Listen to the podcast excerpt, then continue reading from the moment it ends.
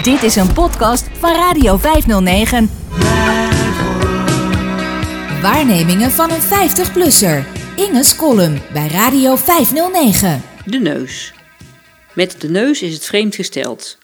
De reuk is een ondergewaardeerd en misschien zelfs miskend zintuig. Mensen weten vaak niet goed wat ze aan moeten met hun reukzin. We schamen ons misschien zelfs een beetje voor wat we zo al ruiken.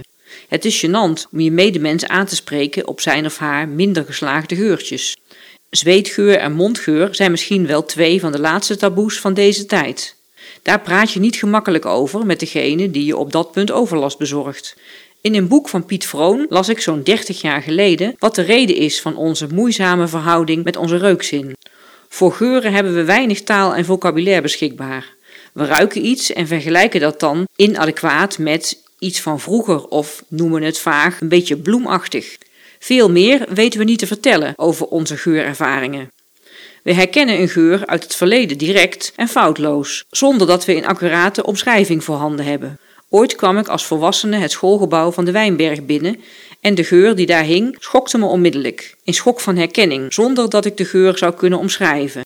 Een gevoel was er echter wel duidelijk. Onzeker, verloren, heimwee, dat was ongeveer wat ik voelde.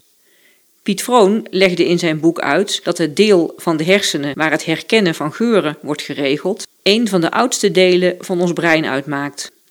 De afstand van dat geurcentrum tot het veel later ontwikkelde hersendeel, waar de taal en communicatie tot stand komen, is daardoor relatief groot. Dat zorgt ervoor dat het contact tussen iets ruiken en die geur met woorden beschrijven bij de mens niet sterk ontwikkeld is. De verbindingen zijn daarvoor als het ware te zwak gebleven. Daarom zijn we er beter in te vertellen wat we zien of horen dan wat we ruiken. Wij, visueel minder begaafden, hebben beter dan anderen geleerd onze neus te gebruiken. Het levert nuttige informatie op als je bijvoorbeeld in een winkelstraat op zoek bent naar een drogist. Die ruikt anders dan een schoenenwinkel of een supermarkt. Ook kan je neusje soms vertellen of je met een man of vrouw van doen hebt zonder dat die persoon iets zegt. Zelf ben ik door de jaren heen terughoudend geworden met het onthullen van dit soort trucjes tegenoverziende. Dat heeft twee redenen.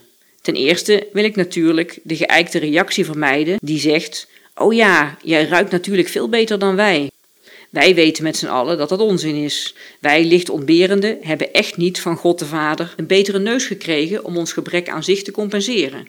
Zo is God niet en zo werkt de natuur ook niet. Wel hebben we ontdekt dat we ons voordeel kunnen doen met de inzet van onze neus voor het herkennen van de juiste keukenkruiden of het lokaliseren van een hondenkotje in de woonkamer. Een tweede reden waarom ik het toch vaak voor me houd als ik iets ruik wat op zichzelf het vermelden waard is, is dat de reukzin niet zo hoog staat aangeschreven onder de mensen. Dat komt vast ook omdat we niet heel veel kunnen met dat primitiefste onze zintuigen. Onze neus legt het qua verfijning en nuancering toch echt af tegen het zicht en gehoor. Daarom schamen wij mensen ons een beetje voor dat matig ontwikkelde zintuig. Honden, die een veel beter functionerende neus hebben, vinden we dan ook wat gênant, vooral als ze in ons kruis gaan snuffelen. En als lichtmijdende wil je natuurlijk niet in het primitieve kamp van de dieren terechtkomen. Het is zo al lastig genoeg om op voet van gelijkwaardigheid met je ziende medemens te verkeren. Ik heb wel eens gehoord dat een ziend persoon bekende op te zien tegen de ontmoeting met een lotgenoot, omdat hij bang was niet lekker te ruiken en er zonder meer van uitging dat een blinde dat direct door zou hebben. Alsof wij al snuffelend en snorkelend door het leven gaan en onze medemens met onze neus in kaart brengen.